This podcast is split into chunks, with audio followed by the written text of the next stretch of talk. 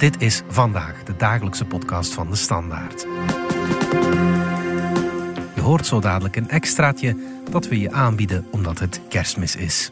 Elk jaar denken schrijvers op onze vraag na over hun wereld. Het resultaat is een kerstessay in vijf delen. Dit jaar schreef auteur Charlotte van den Broek het essay en ze leest het ook voor in deze podcast. Vandaag hoor je het eerste deel over hoe in 1911 de dierentuin van Antwerpen een heel bijzonder dier verwelkomt: de Tasmaanse tijger. Een curiosum eigenlijk, want het dier was toen al zo goed als uitgestorven.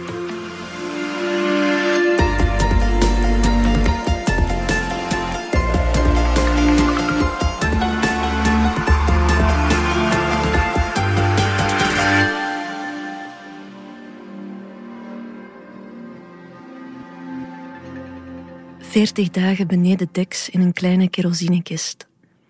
In Melbourne in het vrachtruim van de SS Afrique geladen. Via Kaapstad, via Londen, met de halve wereld in zijn zeezieke poten, belandt het dier op een zonnige dag in mei 1911 in de zoo van Antwerpen. Het jongvolwassen mannetje wordt gehuisvest in de Galerie des Petits Carnassiers, de hokken voor kleine roofdieren die zich bevinden tegen de oostgevel van de pasgebouwde stationshal van Antwerpen Centraal. Op het bordje bij zijn kooi staat Tilacine cynocephal, Tasmanische buidelwolf. Tilacinus cynocephalis harris, Tasmanie. Deze Tasmaanse buidelwolf, die eveneens Tasmaanse tijger of in het Engels thylacine genoemd wordt, is de eerste en enige van zijn soort die België levend bereikt. Hij moet een merkwaardige aanblik wekken bij het Antwerpse Belle publiek. Een dier als een pastiche van andere dieren. Een ongrijpbaar wezen.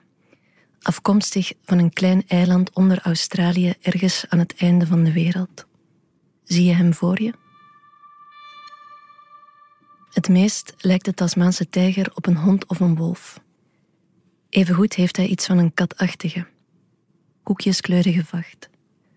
Over zijn rug trekken dwarse, bruin-zwarte tijgerstrepen. Zijn lijf loopt taps toe in een lange, stijve kangoeroestaart. Daaronder verstopt zit een zich achterwaarts openende buidelzak. De kop kenmerkt zich door een smalle snuit met brede gaap, roofdiertanden. De ogen groot en opvallend zwart. Wie er lang in kijkt, leert nachtelijke gewoontes. Zijn roep klinkt als een blaf, als een sisachtige hoest, als een geest die vuur inslikt. Tijgerwolf, hyena-tijger, corinna, canuna, wolfskophond, Tasmaanse zebra, buidelzebra, buldog-tijger, buidelrat-hyena, laorina, laonana, lagunta, hondskopmarter, panter, Zowel de Palawa op Lutruwita als de kolonisten die het eiland zouden hernoemen als Van Diemen's Land en later als Tasmanië, spraken het dier aan met vele namen. Ook de Europese wetenschap wist aanvankelijk niet hoe de Tasmaanse tijger, een roofbuideldier, te klassificeren. Hij werd in drie verschillende categorieën ondergebracht alvorens de Nederlandse zooloog Koenraad Temmink in 1824 de onduidelijkheid omzeilde door een aparte geslachtsnaam voor de soort te bedenken. Tilacinus cynocephalus. Wat gangbaar, doch iets wat absurd vertaald, hondsgekopte buidelhond betekent. De verwarring moet echter voor het ontheemde dier zelf het allergrootst geweest zijn. Voor zijn verscheping naar Antwerpen bracht de Tasmaanse tijger reeds meerdere maanden van zijn jongvolwassen leven door in gevangenschap. Eerst bij zijn pelsjager, James Tiger Harrison, die een menagerie hield in Wynyard, een kustdorpje in het noordwesten van Tasmanië. Van daaruit werd hij verkocht aan de Royal Zoological and Acclimatization Society van Victoria, die hem ter gewenning tentoonstelde in de dierentuin van Melbourne en uiteindelijk doorverkocht aan de Zoo van Antwerpen. Na vrijlating uit de krappe, eindeloos durende kerosinekist waarin hij zich nauwelijks kon keren, zonder daglicht of tijdsbesef. Heen en weer geschud over onvaste oceaan, is het misschien niet zozeer de kooi aan zich, een volgende gevangenis, die het dier verder ontwricht als wel de aard van de kooi. In zijn hok in de Galerie des Petits Carnassiers slaat zijn blik dicht tegen een bakstenen muurtje op ooghoogte. De Tasmaanse tijger, gemiddeld zo'n 60 centimeter hoog, kan nauwelijks over de rand kijken. Als hij zijn kop schuin naar boven richt, ziet hij over het muurtje, door het tonvormige traliewerk, hooguit bovenlichamen naar hem toe buigen, het licht wegnemen, aan de spijlen voorbij glijden in een zwellende geluidspel van stemmen, gekwetter, gebrul, gebalk, kabaal, davering. Vlak naast het hok, in de aangrenzende stationshal, het lawaai van in- en uitrijdende stoomtreinen en nergens een plek om te schuilen. De overweldiging van de schimmenwereld die van bovenaf door de tralies sijpelt, in combinatie met het gekmakende stompe staren naar het muurtje, verstoort het dier in zijn reacties. Al snel moet de Tasmaanse tijger in Antwerpen hetzelfde kenmerkende gedrag vertonen als opgetekend bij zijn gestresseerde soortgenoten in andere dierentuinen. Urenlang loopt hij, onthecht van zijn omgeving, heen en weer door de kooi, zonder veel aandacht te besteden aan de buitenwereld. Of hij ligt rustig neer, slaapt apathisch en laat zich moeilijk wakker maken.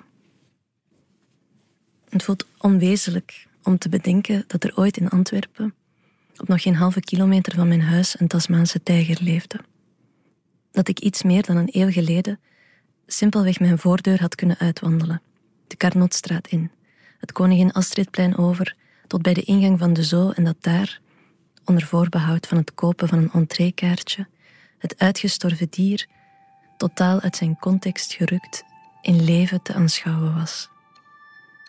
Niet alleen is het een regelrecht wonder dat de Tasmaanse tijger destijds ongehavend uit het vrachtruim van het schip is gekomen, het is een primeur voor de Zoo van Antwerpen. Hij is één van slechts negen van zijn soort die ooit op het Europese vasteland geleefd hebben. De andere acht exemplaren waren verspreid over drie decennia te bezichtigen in de dierentuinen van Parijs, Keulen en Berlijn. Veel meer soortgenoten werden gekocht en verscheept, maar overleefden de slopende zeereis niet. Sinds de tweede helft van de 19e eeuw was de Tasmaanse tijger in trek als curiosum. Natuurhistorische instellingen en dierentuinen over de hele wereld beschouwden het dier als een van de grootste zeldzaamheden die men in de collectie kon hebben zitten. Terwijl hij op het in 1803 door de Britten geclaimde Lutruwita, Tasmanië, bekend stond als koelbloedige schapendoder, als economische verliespost, als ongedierte. Vanaf 1830 reikte het koloniale landbouwbedrijf Van Diemen's Land Company zelfs premies uit voor het lynchen van Tasmaanse tijgers. Schapenboeren konden de 10 shillings per kop goed gebruiken en fabriceerden bloeddorstige verhalen over de vampiertijger of de Tasmaanse weerwolf, om het vanuit Europees perspectief onbegrijpelijke dier te demoniseren. Met één dodelijke beet zou het beest zijn prooi nekken, de halsslagader leegzuigen om vervolgens hooguit nog wat vet rond de nieren weg te eten. De rest van het kadaver liet hij verspilzuchtig liggen op naar een volgend slachtoffer. Eén enkele Tasmaanse tijger zou zo honderden schapen per jaar kunnen doden en hele kuddes ruïneren. Het vampierenverhaal slaat aan zonder veel toetsing aan de werkelijkheid. Vanaf 1888 voert ook de overheid officieel een strooppremie in en verhoogt zelfs de beloning. 1 pond voor een volwassen exemplaar, 10 shillings voor een jong. Om in aanmerking te komen voor uitbetaling moest men de gevilde huid met de kenmerkende strepen binnenbrengen bij het politiestation. Als de huid te erg beschadigd was, dan volstond ook een afgehakte kop. Tot de afschaffing van de overheidspremie in 1908 werden er naar schatting 2148 tijgers binnengebracht. Zo'n 3500 zouden door stropers gedood zijn. Samen met de overzeese dierenhandel en het verlies van leefgebied door kolonisatie leidde dit tot een drastisch uitdunnen van de populatie. Het lot van de Tasmaanse tijger vormt een verdrietige getuigenis van de destructieve impact die de mens uitoefent op de natuur. Maar ook brengt het in de praktijk hoe gevolgrijk verhalen kunnen zijn. Verhalen sturen beeldvorming. Beeldvorming stuurt de manier waarop we ons verhouden. De manier van verhouden stuurt onze handelingen aan. Verhalen zijn in staat tot het creëren van verschrikkelijke breuklijnen en diepe verbindingen. Ze kunnen gruwelijkheden rechtvaardigen en veroordelen, getuigen en misleiden, kwaad doen en beschermen, doen hopen en vertwijfelen en al deze en veel meer vermogens die verhalen in zich dragen, lijken meer dan ooit op scherp te staan. Vandaag staat de Tasmaanse tijger wereldwijd symbool voor door de mens veroorzaakte uitsterving en het razendsnelle verlies van soorten. 1 miljoen soorten wordt momenteel met uitsterven bedreigd. En de meeste daarvan zullen binnen enkele decennia net zo verdwenen zijn als de Tasmaanse tijger. Ik probeer me voor te stellen wat dat betekent. Echt betekent. Een miljoen soorten dieren, planten, algen, eencelligen. De voorstelling is tegelijk abstract in haar omvang en verpletterend concreet. het gevaar van je iets proberen voor te stellen in de toekomst, met name iets wat in de toekomst verleden zal zijn, schuilt in de werkwoordstijd. Zullen uitgestorven zijn. Het futurum exactum, of de voltooid tegenwoordig toekomende tijd, drukt een gegeven uit dat op het moment van spreken onvoltrokken is, want het moet nog gebeuren. En tegelijk voldongen, want het zal zo zijn. De tijd trekt in twee richtingen. De ene richting vraagt daadkracht om van koers te veranderen. De andere richting maakt machteloos omdat de koers al vast lijkt te liggen. Op het nulpunt tussen die twee bewegingen lijkt de voorstelling van wat te gebeuren staat tot stilstand te komen, te verlammen. We kunnen het ons niet voorstellen, niet echt. Het gevaarlijkste aspect van de futurum exactum is in deze context misschien wel het hulpwerkwoord zullen. Het plaatst het verlies van soorten in de toekomst, wat de illusie creëert dat er afstand is, dat er tijd is. Maar het gebeurt nu. Individuen van bedreigde soorten sterven nu en sterven sinds vele jaren. De toekomst belooft slechts het punt te markeren waarop de laatste van hun soort gestorven zullen zijn waarop het te laat is. Has anyone seen a Tasmanian tiger lately? Kopt The Examiner op 10 februari 1937.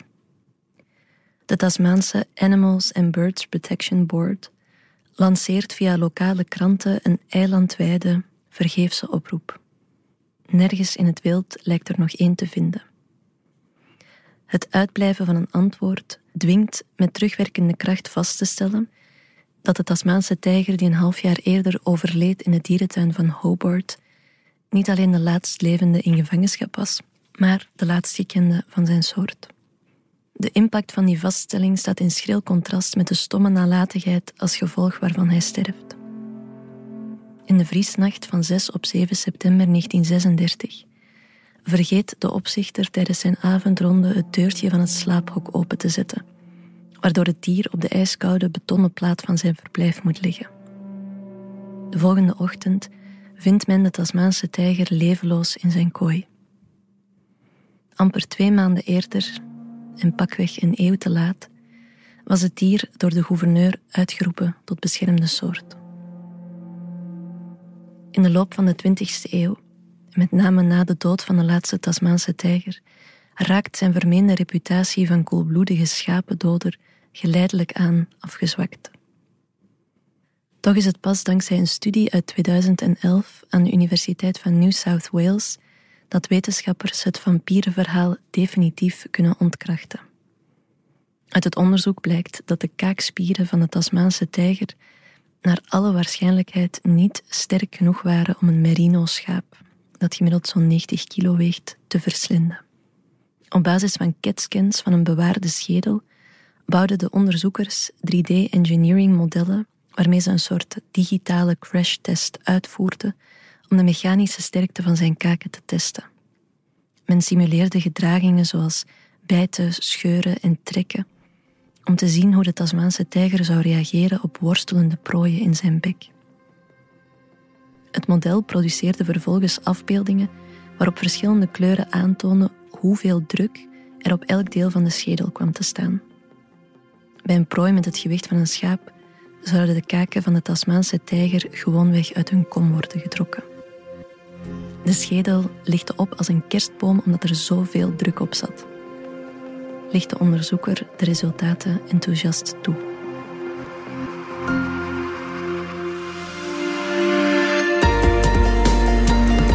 Dit was het eerste deel van het kerstessay van Charlotte van den Broek. In onze app of op je favoriete podcastplatform vind je ook de essays die Michael van Peel, Tineke Beekman en Damiaan de Nis afgelopen jaren al voor ons schreven en inlazen.